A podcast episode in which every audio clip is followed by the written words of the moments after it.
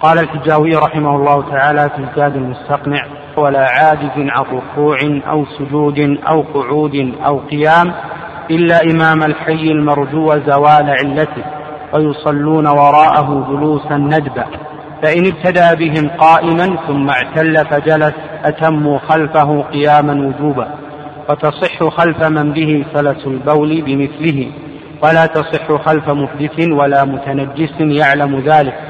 فإن جهل هو والمأموم حتى انقضت صحت لمأموم وحده.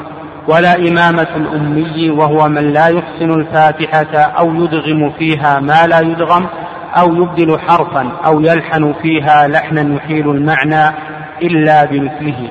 وإن قدر على إصلاحه لم تصح صلاته. وتكره إمامة اللحان والفأفاء والتمتام ومن لا يفصح ببعض الحروف. وأن يؤم أجنبية فأكثر لا رجل معهن أو قوما أكثرهم يكرهه بحق وتصح إمامة ولد الزنا والجندي إذا سلم دينهما. ومن يؤدي الصلاة بمن يقضيها وعكسه لا مفترض لا مفترض بمتنفل ولا من يصلي الظهر بمن يصلي العصر أو غيرها. تقدم لنا شيء من أحكام الإمامة والائتمام وذكرنا من ذلك ما يتعلق بأحوال المأموم مع الإمام. وذكرنا بأن أحواله أربع حالات. الأولى المسابقة والثانية التخلف والثالثة الموافقة والرابعة المتابعة.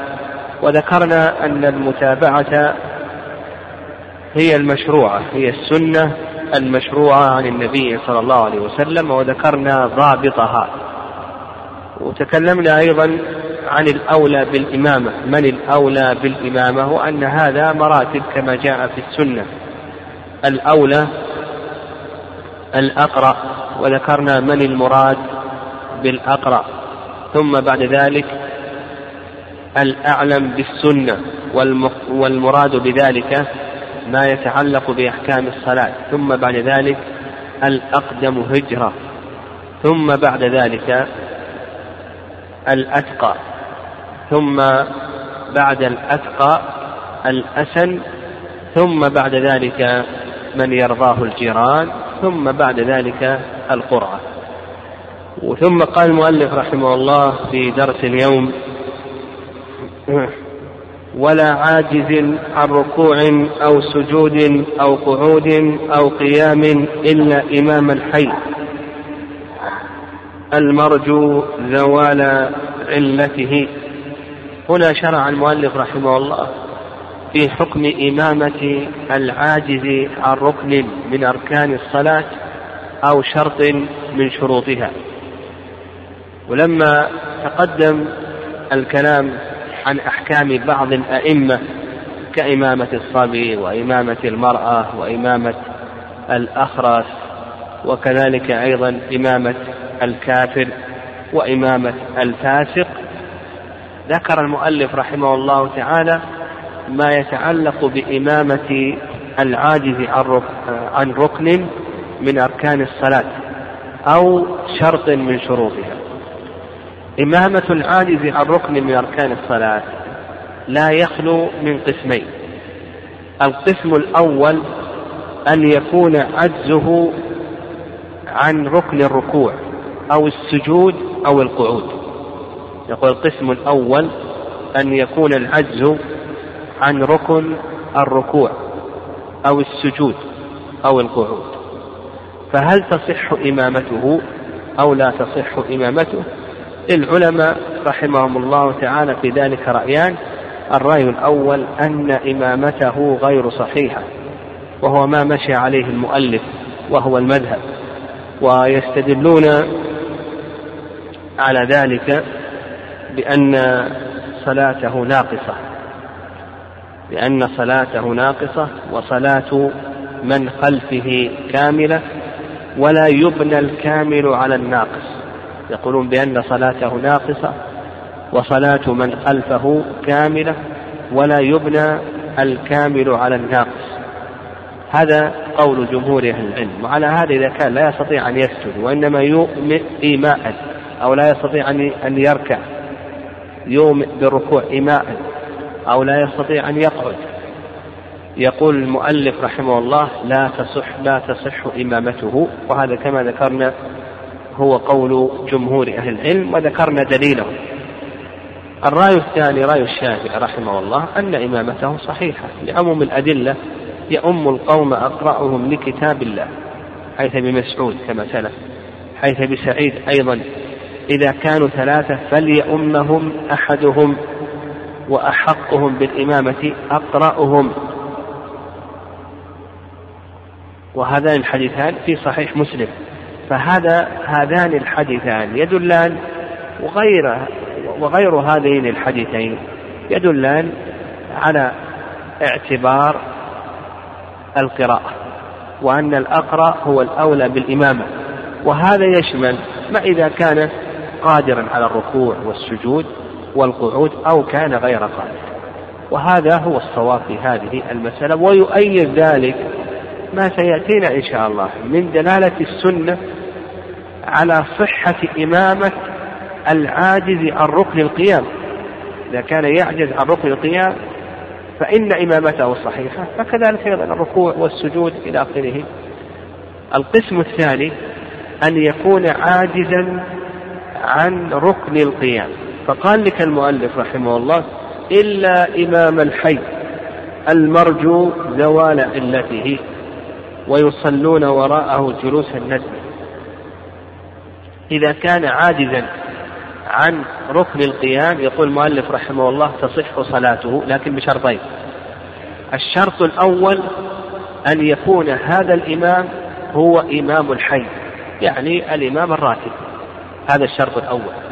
الشرط الثاني أن يرجى زوال علته. فإذا كانت علته لا يرجى زوالها فإن إمامته لا تصح.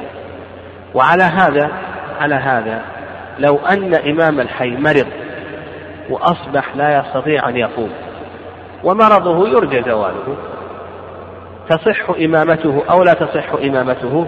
نقول بأن إمامته صحيحة. ولو أن غير إمام الحي لو كان ثلاثة في نزهة أو أربعة ومعهم زميل لهم قارئ.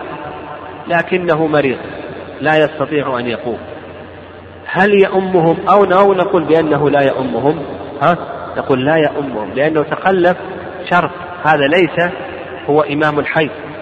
وكذلك أيضا لا بد أن يكون هذا أن تكون هذه العلة يرجى زواله. إذا كانت هذه العلة لا يرجى زوالها فلا تصح إمامته. مثلا إمام الحي كبر أصبح كبيرا. وأصبح لا يقدر على القيام أن يصلي قائما لكبره. أو لمرض مزمن لا يرجى زوال هذا المرض. فهل تصح إمامته؟ نقول بأن إمامته لا تصح فالمؤلف رحمه الله يقول لك الذي يعجز عن ركن القيام تصح إمامته بهذين الشرطين. وهذا هو المشهور من مذهب الإمام أحمد رحمه الله تعالى.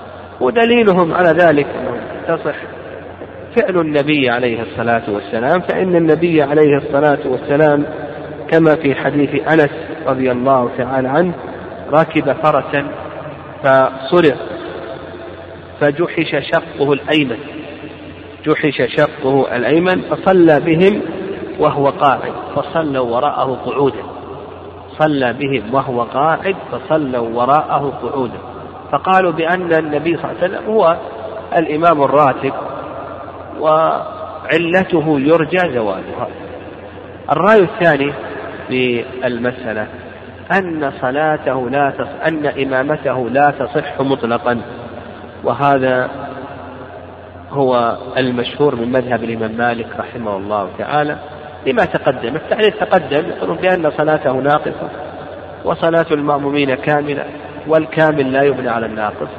والرأي الثالث رأي الشافعي وأيضا قال به أبو حنيفة أن صلاته صحيحة مطلقة. أن إمامته أن إمامته صحيحة مطلقة لعمومات الأدلة لعمومات الأدلة. كما تقدم يؤم القوم أقرأهم لكتاب الله. حيث ابن مسعود في مسلم. تقدم لنا حديث أبي سعيد وإمامة عمرو بن سلمة وإمامة سالم مولى أبي حذيفة إلى آخره. وهذا القول هو الصواب ما ذهب إليه الشافعي وأبو حنيفة نقول بأنه هو الصواب وعلى هذا لا نشترط شيئا. فنقول إمامة من عجز عن القيام صحيحة سواء كان الإمام الراتب أو لا. وسواء كانت علته يرجى زوالها أو لا يرجى زوالها لعموم الأدلة. لكن كما أسلفنا الإمامة شيء وترتيبه إماما راتبا شيء آخر. فنقول لو صلى بالناس حتى ولو كان غير الإمام الراتب نقول بأن صلاته صحيحة. لكن كوننا نرتبه إماما هذا فيه شيء. خصوصا كما سيأتينا إن شاء الله أنه إذا افتتح الصلاة جالسا فإنهم يصلون خلفه جلوسا كما سيأتي. الخلاصة في هذه المسألة أن العاجز عن ركن الركوع أو السجود أو القعود إمامته صحيحة مطلقا وكذلك أيضا العاجز عن ركن القيام نقول بأن إمامته صحيحة. طيب قال المؤلف رحمه الله ويصلون وراءه جلوسا ندبا فإن ابتدأ بهم قائما ثم اعتل. فجلس أتموا أتموا خلفه قياما وجوبا. يقول المؤلف رحمه الله يصلون وراءه جلوسا ندبا الإمام الآن لا يستطيع القيام لا يستطيع القيام. سيصلي جالسا. ما الحكم بالنسبة للمأمومين؟ هل يصلي المأمومون جلوسا أو نقول بأنهم يصلون قياما. المشهور من المذهب التفصيل في المسألة وهو إن افتتح بهم الصلاة قائما فإنهم يصلون خلفه قياما. افتتح بهم الصلاة قائم ثم اعتل فإنهم يصلون خلفه قياما. وإن افتتح الصلاة بهم جالسا فإنهم يصلون خلفه جلوسا. ودليلهم على ذلك هذا ما ذهب إليه الإمام أحمد رحمه الله وهو جمع بين الأدلة.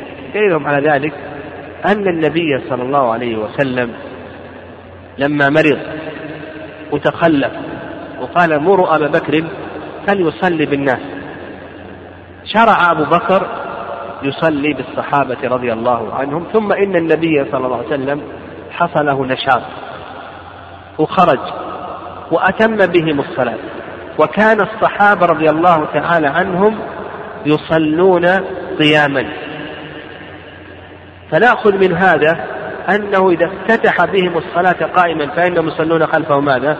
قياما. لأن أبا بكر رضي الله تعالى عنه افتتح الصلاة بهم قائما. وإن افتتح الصلاة بهم جالسا فإنهم يصلون خلفه جلوسا لما ذكرنا من حديث أنس رضي الله تعالى عنه أن النبي صلى الله عليه وسلم ركب فرسا فصرع فجحش شقه الأيمن فصلى بهم صلاة من الصلوات وهو جالس وصلوا وراءه جلوسا صلى وهو قاعد وصلوا وراءه قعودا. وأيضا حديث عائشة رضي الله تعالى عنها أن النبي صلى الله عليه وسلم أيضا حديث أنس أن النبي صلى الله عليه وسلم قال إذا صلى جالسا فصلوا جلوسا أجمعون. إذا صلى جالسا فصلوا جلوسا أجمعون. متفق عليه. ففي هذا جمع بين الأدلة كما ذهب إليه المؤلف رحمه الله. جمهور العلماء يقولون بأن الإمام الراتب إذا صلى جالسا فإن المأمومين يصلون خلفه قياما. المذهب التفصيل كما تقدم. وعند الجمهور أنهم يصلون خلفه قياما ويستدلون على هذا بفعل الصحابة رضي الله تعالى عنهم لما صلوا خلف النبي صلى الله عليه وسلم قياما كما ذكرنا. مرض النبي صلى الله عليه وسلم وقال مروا أبا بكر فليصلي بالناس. فوجد النبي صلى الله عليه وسلم نشاطا ثم خرج وأتم بالصحابة رضي الله تعالى عنهم الصلاة والصحابة رضي الله تعالى عنهم كانوا يصلون خلفه ماذا؟ قياما. فقالوا بأن هذا الحديث ناسخ بحيث أنس الذي قال فيه النبي صلى الله عليه وسلم وإذا صلى جالسا فصلوا خلفه جلوسا أجمعون. قالوا بأن هذا ناسخ. والصواب في هذا ما ذهب إليه الإمام أحمد رحمه الله وأنه لا يصار إلى النسخ إلا إذا تعذر جمع. وهنا جمع الإمام رحمه الله جمعا حسنا. أنه إن افتتح الصلاة بهم قائما يصلون خلفه قياما وإن افتتحها جالسا يصلون خلفه جلوسا. وأيضا كيف نقول إنهم يصلون خلفه قياما إذا افتتح بها افتتح بهم الصلاة جالسا؟ وقد نهي المأموم أن يخالف إمامه. والنبي صلى الله عليه وسلم أيضا أشار للصحابة رضي الله تعالى عنهم لما صلوا خلفه قياما وقد افتتح بهم الصلاة جالسا أشار لهم أن اجلسوا أن اجلسوا أشار لهم أن اجلسوا وبين الحكمة من عدم قيامهم وأنهم يشابهون الأعاجم في قيامهم على ملوكهم. فتلخص لنا متى يصلون خلفه جلوسا ومتى يصلون خلفه قياما. طيب إذا صلوا خلفه جلوسا متى قلنا؟ ها؟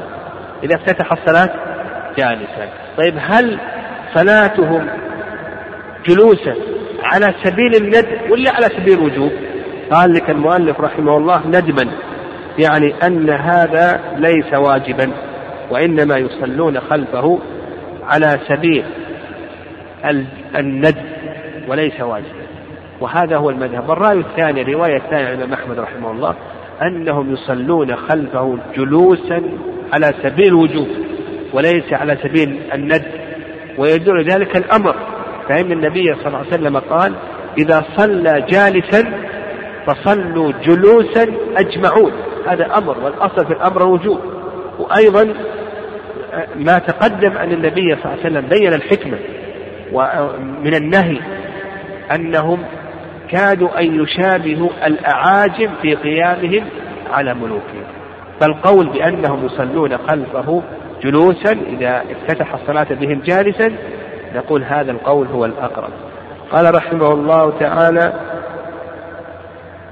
أما إن افتتح الصلاة بهم قائما فهم يصلون خلفه ماذا؟ قياما على سبيل ماذا؟ على سبيل الوجوب ففي المسألة الأولى جلوسا على سبيل الوجوب على الصحيح في المسألة الثانية قياما على سبيل الوجوب على الصحيح ولهذا قال لك المؤلف ثم تل فجلس أتموا خلفه قياما وجوبا. قال وتصح خلف من به سلس البول بمثله. من به سلس البول؟ يعني من حدثه دائم يخرج منه البول على سبيل الدوام. ما حكم إمامة من به سلس البول؟ وقول المؤلف رحمه الله سلس البول هذا على سبيل التغليب. وإلا فإن فإنه يدخل في ذلك من به سلس الريح من به سلس آه، الغائط إلى آخره. لكن هذا على سبيل التغليب لأن الغالب أن السلس إنما يكون في البول. حكم إمامة من به سلس بول ونحوه. المشهور من المذهب أن إمامته تصح بمثله. أن إمامته تصح بمثله ولا تصح بغيره. فإذا كان عندنا رجلان كل منهما فيه سلس بول فنقول تصح بمثله. إذا كان أحدهما صحيحا فإنها لا تصح إمامة من به سلس بول. وهذا ما ذهب إليه المؤلف رحمه الله تعالى. وعلته في ذلك خروج يعني يقول بأنه لا تصح إمامته خروج خروج النجاسة. هذه العلة. والرأي الثاني الرأي الثاني في المذهب أن إمامته صحيحة. ودليل ذلك ما تقدم من العمومات. حديث ابن مسعود وحديث ابن سعيد يؤم القوم أقرأهم لكتاب الله إذا كانوا ثلاثة فليؤمهم أحدهم وهذا يشمل من به سلس بول ويشمل من ليس به سلس بول. وهذا القول هو الصواب. القول هو الصواب في هذه المسألة. ولأن السلس هذه النجاسة أيضا معفو عنها. الشارع عفى عنها. لو قلنا بأنه ليس معفوا عنها للزم للزم من ذلك ألا تصح صلاته. وما دام أن صلاته صحت ما المانع أن يقال أيضا بأن إمامته صحيحة؟ فالصواب في ذلك أن صلاته صحيحة. قال ولا تصح خلف محدث ولا متنجس يعلم ذلك فإن جهل هو والمأموم حتى انقضت صحت لمأموم وحده. هنا شرع المؤلف رحمه الله في إمامة المحدث وإمامة المتنجس. لو أن إماما صلى بالناس وهو محدث فما حكم إمامته؟ نقول بأن إمامته لا تخلو من أقسام. نقول بأن إمامته لا تخلو من أقسام. إمامة المحدث القسم الأول ألا يعلم الإمام ولا المأموم بالحدث إلا بعد نهاية الصلاة. هذا رجل صلى بالناس صلى بالناس وهو محدث ولم يعلم أنه محدث حتى انتهت صلاته. فهل تصح صلاته؟ أو نقول هل تصح إمامته؟ أو نقول بأن إمامته غير صحيحة إلى آخره. هذه المسألة موضع خلاف بين العلماء رحمهم الله تعالى وجمهور العلماء يقولون بأن بأن صلاته غير صحيحة وأما بالنسبة لصلاة المأمومين فصحيحة. خلافا لأبي حنيفة رحمه الله تعالى. جمهور العلماء أن إمام أن صلاته غير صحيحة وأما بالنسبة للمأمومين فصلاتهم صحيحة خلافا لأبي حنيفة رحمه الله. وأدل ذلك ما تقدم لنا من حيث أبي هريرة أن النبي صلى الله عليه وسلم قال يصلون لكم فإن أصابوا فلكم ولهم وإن أخطأوا فلكم وعليهم. قال لكم وعليهم. وأيضا أن هذا الوارد عن الصحابة وقد ورد عن عمر أنه صلى بالناس وهو جنب فأعاد ولم يأمر المأمومين بالإعادة مثل أيضا عثمان رضي الله تعالى عنه صلى بالناس وهو جنب فأعاد ولم يأمر المأمومين بالإعادة هذا القسم الأول. القسم الثاني أن يعلم يعني هذا القسم أن أن يجهل الإمام والمأمومون الحدث حتى انقضت الصلاة. القسم الثاني أن يعلم الإمام والمأمومون بحدث الإمام قبل الصلاة. الإمام يعلم أنه محدث والمأمومون يعلمون أن الإمام محدث فنقول بأن صلاة الجميع غير صحيحة. نعم صلاة الجميع غير صحيحة. الإمام لأنه محدث فقد شرطا من شروط صحة الصلاة والمأمومون لأنه لا يجوز لهم أن يقتدوا بإمام صلاته باطلة. هذا نوع من العبث. نعم هذا نوع من العبث. نعم الواجب عليهم ألا يقتدوا بهذا الإمام الذي صلاته باطلة. القسم الثالث أن يعلم الإمام أنه محدث في أثناء الصلاة. هو الآن شرع يصلي بالناس ولما مضت ركعة تذكر أنه أكل لحم جزور. آه ما الحكم؟ المذهب وش يقولون؟ تبطل صلاة الإمام وتبطل صلاة المأمومين. فيسري البطلان إلى ماذا؟ إلى صلاة المأمومين. يعني يسري البطلان إلى صلاة المأمومين. وهذه المسألة سبقا بيناها قلنا ارتباط صلاة الإمام بالمأمومين بالمأمومين. هذا لتحصيل الجماعة بفضله. أما السريان النقص يعني ما يحصل في صلاة الإمام من نقص كونه يسري إلى صلاة المأمومين هذا غير صحيح. يعني هذا غير صحيح. يعني فنقول المذهب أنه لا استخلاف لا يرى الاستخلاف. وهذه تقدم أيضا الكلام عليها في مسائل النية في شروط الصلاة. لما تكلم المؤلف رحمه الله على شرط النية. على كل حال المذهب يقولون بأن صلاة إذا علم المأموم الإمام أنه محدث فإن صلاته غير صحيحة وأيضا تبطل صلاة المأمومين. مع أنهم يقولون إذا علم بعد الصلاة وش الحكم؟ صلاة المأمومين إيش حكمه؟ صحيحة. صلاة علم بعد الصلاة كل الصلاة ما علم بعد كل الصلاة صحيحة وهنا علم بعد بعض الصلاة يقولون تبطل الصلاة. يعني وهذا فيه نظر والصواب في هذه المسألة. أما بالنسبة للإمام فصلاته باطلة لأنه فقد شرطا من شروط صحة الصلاة. وأما بالنسبة للمأمومين فصلاتهم صحيحة. وحينئذ يستخلف الإمام فإن لم يستخلف فإن المأمومين يستخلفون.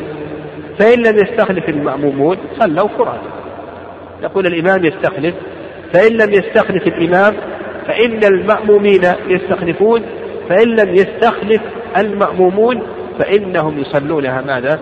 يصلون فرادى ويتمون صلاتهم. القسم الرابع والأخير القسم الرابع والأخير أن يعلم بعض المأمومين أن صلاة الإمام أن الإمام محدث أن يعلم بعض المأمومين أن الإمام محدث. يعني شرع الإمام لما مضت ركعة تذكر بعض المأمومين أن الإمام قد أكل لحم زور قبل الصلاة وأنه محدث. المذهب بطلان صلاة الجميع. أما الإمام فظاهر. والمأمومون أيضا يقولون يسري البطلان للجميع. والصواب في ذلك أما الإمام فصلاته باطلة لأنه فقد شرطا من شروط صحة الصلاة وهو رفع الحدث ولا يعذر هنا بالجهل. وأما بالنسبة للمأمومين فمن جهل فصلاته صحيحة. من جهل فصلاته صحيحة لأنه معذور. أما الذي علم بحالة الإمام علم بحالة الإمام واستمر مع الإمام فإن صلاته تبطل عليه. الواجب عليه ماذا؟ ها؟ نعم الواجب عليه أن ينفرد. ما يجوز أن يتابع إماما وهو يعتقد بطلان صلاته. هذا نوع من العبث كيف تقتدي به وأن تعتقد أن صلاته باطلة؟ يركع ركوع وسجوده لا محل له. ما دمت أنك تعتقد أن صلاته باطلة. الواجب عليه ماذا؟ أن تنفرد. يعني هذا الواجب. يعني ولا تواصل مع هذا الإمام. على كل حال لكن إذا كان يجهل فهذا شيء آخر لكن إذا كان يعرف فالواجب عليه أنه ينفرد ولا يتابع هذا الإمام الذي يعتقد أن صلاته باطلة. فتلخص لنا أن إمامة المحدث أن لها أربعة أقسام. كذلك عندنا ما يتعلق بإمامة المتنجس الذي صلى وعلى ثوبه أو بدنه إلى آخره نجاسة. فنقول أيضا تحته أقسام. القسم الأول ألا يعلم الإمام والمأموم إلا بعد نهاية الصلاة. ما علم الإمام ولا المأموم إلا بعد نهاية الصلاة. فالمذهب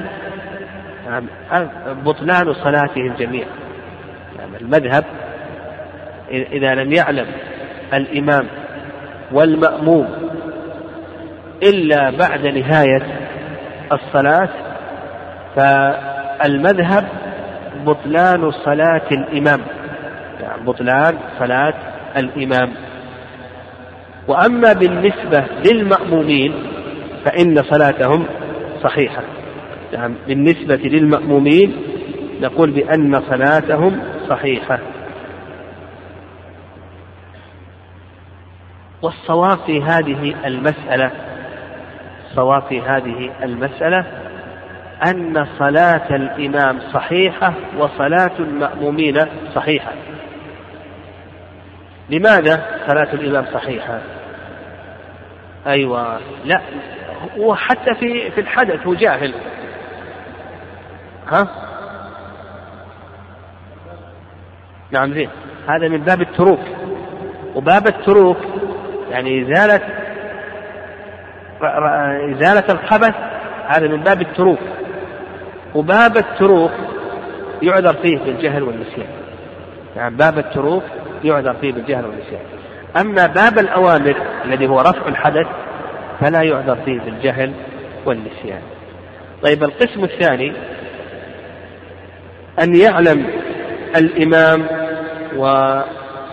والمأمومون بالنجاسة. يعني القسم الثاني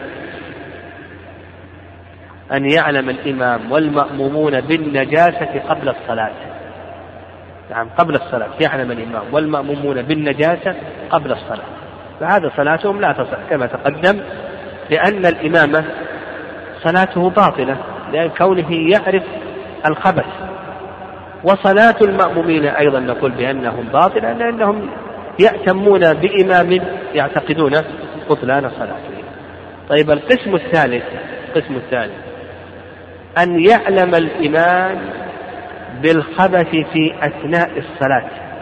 نعم أن يعلم الإمام بالخبث في أثناء الصلاة. أما المذهب فيقولون بأن صلاته تبطل عليه وصلاة المأمومين أيضا تبطل. يسري البطلان إلى صلاة المأمومين فيقولون لا استخلاف يعني يقولون بأنه لا استخلاف فإذا علم الإمام بأنه متنجس في أثناء الصلاة فيقولون بأن صلاته تبطل عليه وكذلك أيضا صلاة المأمومين يسري البطلان إلى صلاة المأمومين. والصواب في هذه المسألة نعم الصواب الصلاة الصواب في هذه المسألة أن يقال أما الإمام فإن أمكنه أن يزيل النجاسة فيجب عليه أن يزيل النجاسة. وإذا لم يمكن أن يزيل النجاسة إذا أمكنه أن يزيل النجاسة فإنه يزيل النجاسة ويستمر في الصلاة. كما لو كانت النجاسة في عمامته فإنه ينزع هذه العمامة ويستمر في الصلاة. وإن كان لا يتمكن من إزالة النجاسة فصلاة المأمومين صحيحة. وعلى هذا يستخلف بهم فإن لم يستخلف فإنهم يستخلفون واحدا منهم يتم بهم الصلاة إن لم يستخلفوا فإنهم يتمونها يتمونها فرادا طيب القسم الرابع والأخير القسم الرابع والأخير أن يعلم بعض المأمومين بأن الإمام متنجس. بعض المأمومين يعلم بأن الإمام متنجس. فالمذهب كما سلف بطلان صلاتهم جميعا تبطل صلاة الجميع. والصواب في هذا أن نقول أما المأموم الذي لم يعلم فإن صلاته صحيحة. نقول المأموم الذي لم يعلم نقول بأن صلاته صحيحة. وأما المأموم الذي علم فإنه ينبه الإمام إن استطاع أن ينبه الإمام إلى وجود الخبث ينبهه بإشارة أو نحو ذلك. إذا لم يتمكن من تنبيهه ها فما الحكم هنا؟ لا. نقول يمضي معه. فرق بين باب الحدث وباب الخبث. لأنه هنا يعتقد أن صلاته صحيحة لقول معذور بالجهل. الإمام معذور بالجهل في باب الخبث فصلاته صحيحة. فالمأموم هنا يعتقد أن صلاته صحيحة. بخلاف الحدث كما تقدم يعتقد أن صلاته باطلة لأنه غير معذور. أنا أقول إن, أن تمكن أن ينبهه نبهه. إذا ما تمكن أن ينبهه فإنه يمضي معه. وتكون صلاة المأموم الذي لم يعلم صحيحة وصلاة المأموم الذي علم صحيحة وصلاة الإمام صحيحة لأنه معذور يعني معذور بالجهل. قال رحمه الله ولا إمامة الأم. الأم في اللغة منسوب إلى الأم كأنه على الحالة التي ولدته عليها أمه لا يقرأ ولا يكتب. وأما في الاصطلاح فالأم هو من من تضمن أربعة أمور. قال وهو من لا يحسن الفاتحة. هذا الأمر الأول. إذا كان لا يحفظ الفاتحة فهذا أمي. إذا كان لا يحسن الفاتحة لا يحفظ الفاتحة أمي. ولو كان أعلم الناس في الطب أو بالهندسة أو بالكيمياء ونحو ذلك فنقول بأنه أمي. قال لك أو يدغم فيها ما لا يدغم. وذلك بأن يدغم حرفا بما لا يماثله ولا يقاربه. يدغم حرفا بما لا يماثله ولا يقاربه. ويسميها الفقهاء بالإدغام الكبير. يعني يسمونه بالإدغام الكبير. وهذا غير الإدغام الموجود عند علماء التجويد. إدغام بغنة وإدغام بغير غنة إلى آخره. أن يدغم حرفا بما لا يماثله ولا يقاربه. مثلا أدغملها برا. الحمد لله رب العالمين. إذا أدغملها برا قال الحمد لله رب الحمد لله رب العالمين. هنا أدغم حرفا بما لا يماثله ولا يقاربه فنقول بأنه أمي. هذا الأمر الثاني. الأمر الثالث قال أو يبدل حرفا بغيره. نعم إذا أبدل حرفا بغيره وهو الألثق الألثق كالذي يبدل الراء غينا. بدل من أن يقول الحمد لله رب العالمين يقول رب العالمين رب العالمين. فهذا أمي رب العالمين. نقول بأنه أمي ومثله أيضا إذا أبدل الراء ياء أو لي أو لاما يبدل الراء ياء أو لاما أو أبدل السين تاء أو أبدل الجيم شينا إلى آخره. المهم هذا الألثق الذي يبدل نعم كالذي يبدل الراء غيرا ويستثني الفقهاء رحمهم الله. الضاد الضاء التي هي أخت الصاد والضاء التي هي أخت الطاء. يقولون بتقارب, بتقارب مخرجي هذين الحرفين لو أبدل إحداهما بالأخرى هذا لا يقول لا, يدخل لا يدخله في كونه أميا قال أو يلحن فيها لحنا يحيل المعنى. يلحن لحنا يحيل المعنى. مثل لو قال إياك إياك إياك قال إياك نعبد وإياك نستعين. هذا لحن يحيل المعنى. هذا أمي فأصبح عندنا الأمي من لا يحفظ الفاتحة يبدل حرفا بما لا يماثله ولا يقاربه أو الألفق كما أو يبدل حرفا بغيره أن يدغم حرفا بما لا يدغم حرفا بما لا يماثله ولا يقاربه أو يبدل حرفا بغيره أو يلحن لحنا يحيل المعنى هذا الأمي ما حكم إمامته؟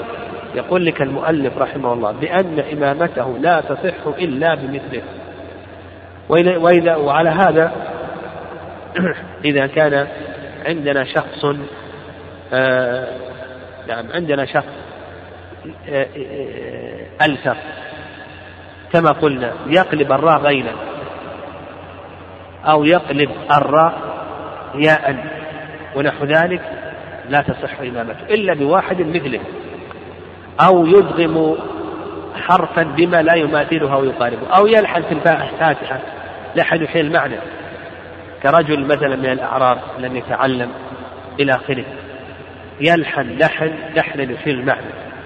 فيقول لك المؤلف رحمه الله هذا أمي لا تصح إمامته إلا بمثله وقال بعض العلماء إذا كان لا يستطيع أن يزيل مثل هذا مثل هذه الأشياء لا يستطيع أن يزيلها إلى آخره فإن إمامته صحيحة لما تقدم من الأدلة على ذلك من العمومات. لكن مع ذلك نقول بأن مثل هذا لا يرتب إماما للناس. يعني نحن إذا قلنا بأن إمامته صحيحة يبقى كونه يكون إماما راتبا للناس نقول بأنه لا يرتب إماما للناس. وكما أسلفنا أن مسألة القراءة اهتم فيها الشارع خصوصا في الإمامة اهتم فيها الشارع. تقدم من حيث أبي مسعود حيث أبي سعيد وأيضا حيث ابن عمر في قصة سالم مولى أبي حذيفة وحيث عمرو بن سلمة رضي الله تعالى عنه. هذا مما يدل على تأكد القراءة. قال المؤلف رحمه الله والفأفاء. نعم قال نعم. وإن قدر على إصلاحه لم تصح صلاته. كان يقدر على إصلاحه يقدر على إصلاح هذا اللحن الذي فيه المعنى ولم يصلح ما صحت صلاته لأنه ترك واجبا. قال وتكره إمامة اللحان. اللحان الذي يكثر منه اللحن. واللحن قسمان.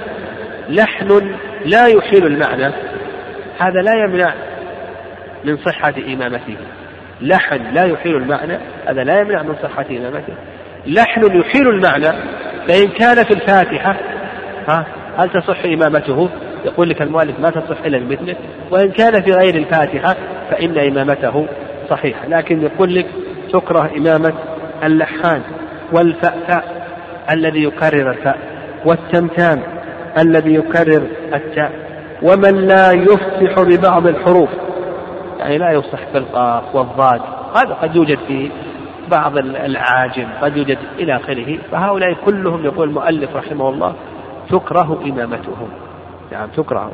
كما أسلفنا أن مسألة الإمامة آه، الشارع ركز عليها. نعم وورد فيها الأحاديث كثيرة.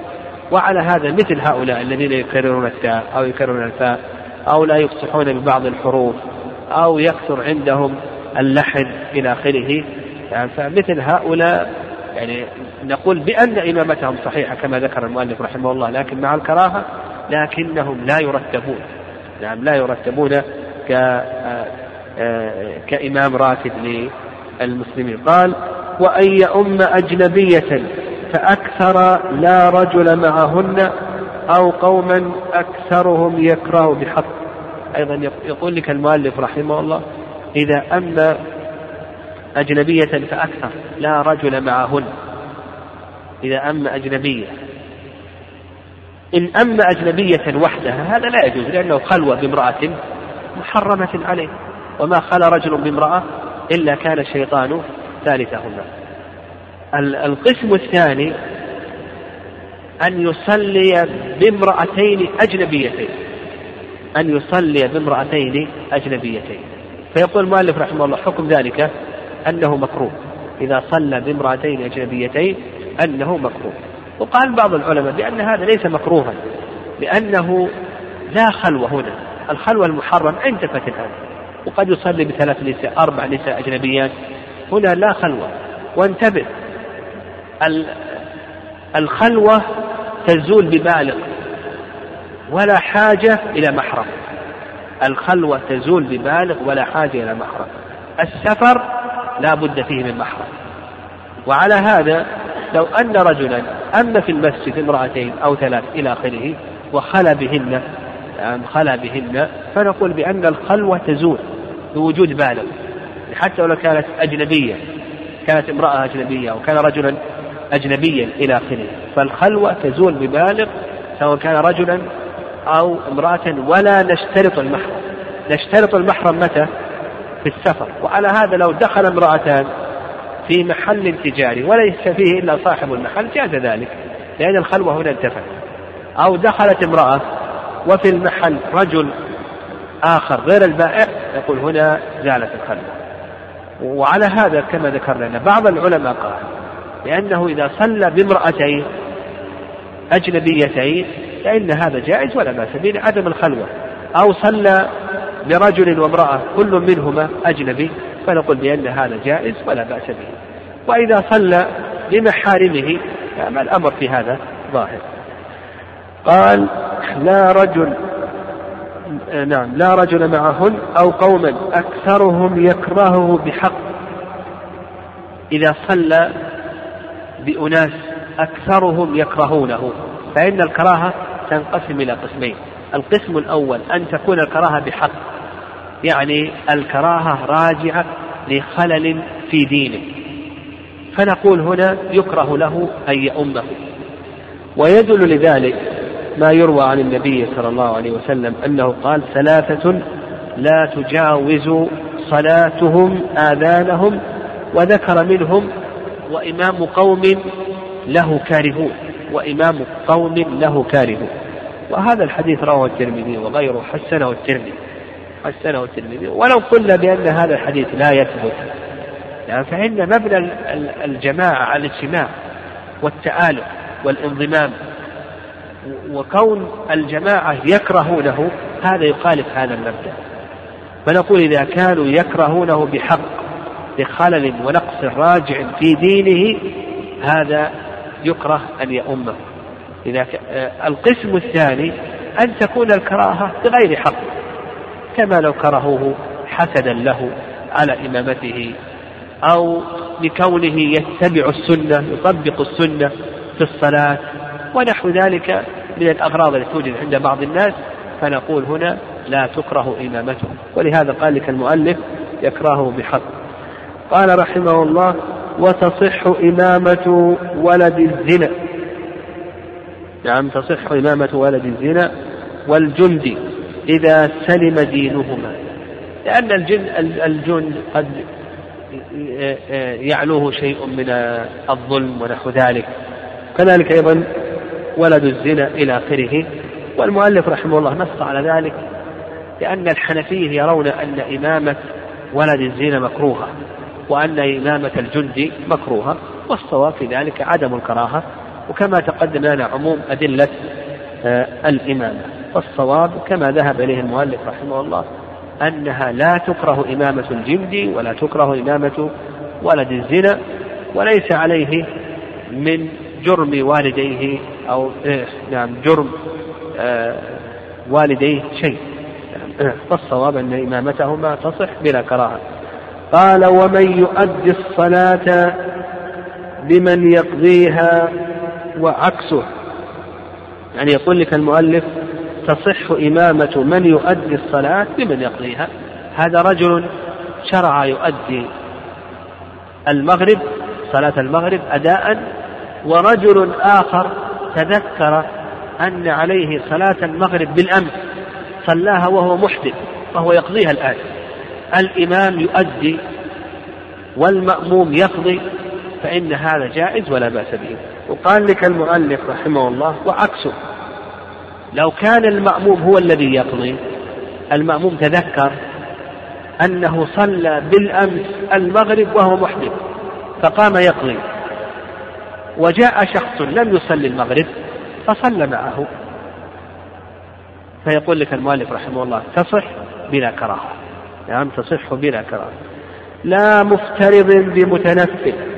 يقول لك المؤلف رحمه الله لا تصح صلاة المفترض بالمتنفل مثال ذلك رجل صلى العشاء في مسجد ثم بعد ذلك جاء إلى هذا المسجد وأما بالناس صلاته فرض أو نافلة؟ نافلة. صلاة المأمومين فرض.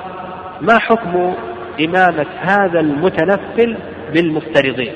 فيقول لك المؤلف رحمه الله لا تصح. قال لك لا مفترض بمتنفل. وهذا ما عليه أكثر أهل العلم خلافا للشافعية فإن الشافعية تصح. كما أسلفنا أن الشافعية هم أحسن الناس في مثل هذه المسائل. فمذهب الشافعية أن هذا صحيح. والجمهور يستدلون على ذلك بقول النبي صلى الله عليه وسلم حيث عائشة حيث أبي هريرة إنما جعل الإمام ليؤتم به فلا تختلفوا عليه. نعم لا تختلفوا عليه. وعند الشافعية الشافعية أدلتهم على ذلك كثيرة من أدلتهم حيث جابر رضي الله تعالى عنه في قصة معاذ. فإن معاذا كان يصلي مع النبي صلى الله عليه وسلم الصلاة العشاء الآخرة ثم يذهب إلى قومه فيصلي بهم تلك الصلاة. ومع ذلك أقره النبي صلى الله عليه وسلم على ذلك في الصحيحين. في آه نعم. وكذلك أيضا حديث عمرو بن سلمة رضي الله تعالى عنه. كان يؤم قومه وهو بين ستة وسبع سنوات. صلاته نافلة وصلاة من خلفه فريضة. في البخاري. فدل ذلك على أنه يصح ائتمام المفترض بالمتنفل. قال ولا من يصلي الظهر بمن يصلي العصر أو ولا من يصلي الظهر بمن يصلي العصر أو غيرهما. يعني يقول لك المؤلف رحمه الله لا تصح. إمامة من يصلي الظهر بمن يصلي العصر.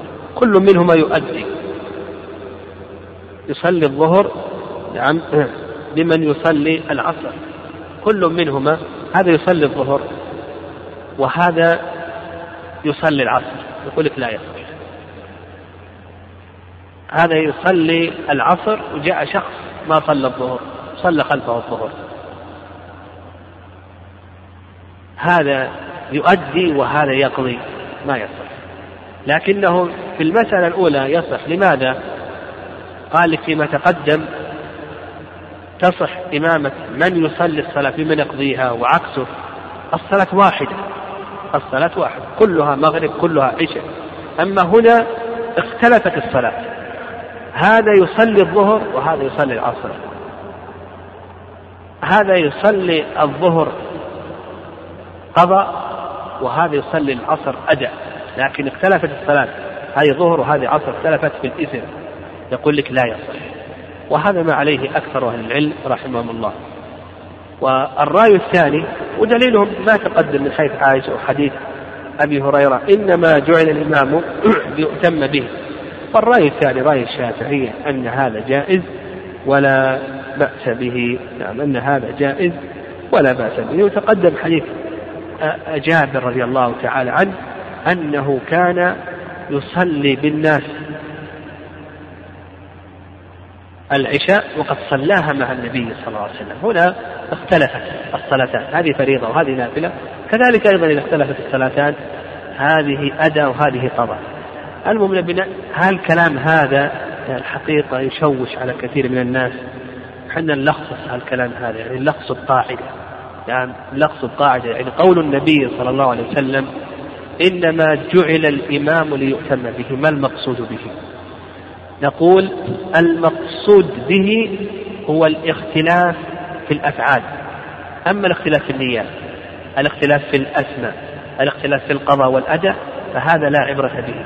والاختلاف في الأفعال أيضا ينقسم ثلاث أقسام. انتبه القسم الأول الاختلاف في الأفعال. أو نقول أخسر أيضا الاختلاف في الأفعال ينقسم إلى قسمين. القسم الأول اختلاف في في الأفعال وهو يسير. يعني الاختلاف بين الصلاتين يسير في الأفعال. نقول أيضا هذا لا يمنع الائتمام مثال ذلك هذا رجل الإمام يصلي العيد. الإمام يصلي العيد. والمأموم جاء وما صلى الفجر شرع معه يصلي الفجر. هنا تختلف الصلاتان في الأفعال لكنه ماذا؟ اختلاف يسير ما يضر. يعني اختلاف يسير ما يضر. هذا فيه تكبيرات وهذا ليس فيه تكبيرات. هذا يصلي المغرب وهذا يصلي العشاء. نقول هذا لا يضر. أو هذا يصلي العشاء وهذا يصلي المغرب لا يضر. فنقول ما دام أن الاختلاف بين الصلاتين في الأفعال اختلاف يسير نقول بأنه لا يضر القسم الثاني أن يكون الاختلاف بين الصلاتين في الأفعال اختلافا كثيرا. فهنا تمتنع الإمامة لامتناع الاقتداء. تمتنع الإمامة لامتناع الاقتداء. مثال ذلك الإمام يصلي صلاة الكسوف كسفت الشمس ثم جاء رجل لم يصلي الفجر. جاء رجل لم يصلي الفجر. هل يمكن أنه يتابع؟ ما يمكن لأن الإمام سيركع ركوعين المأموم سيركع ركوعا واحدا. هنا اختلاف كثير يقول ما يمكن نتابع الإمام يصلي صلاة الجنازة. المأموم سيصلي صلاة الظهر. هل تمكن المتابعة؟ لا تمكن المتابعة؟ نقول لا تمكن مع أن شيخ الإسلام أيضا جوز هذه الصورة. لكن الذي يظهر من الدليل قوله صلى الله عليه وسلم فلا تختلفوا عليه ما دام ما تمكن المتابعة هنا. فتلخص لنا أن الاقتداء بالمتنفل أو المفترض أو اختلفت الصلاتان في الفرض أو التطوع اختلفت الصلاتان في الإسم اختلفت الصلاتان في القضاء اختلفت الصلاتان في القضاء والأداء اختلفت الصلاتان في الأفعال كل هذا جائز إلا إذا كان الاختلاف كثيرا هذا يلخص المسألة كلها.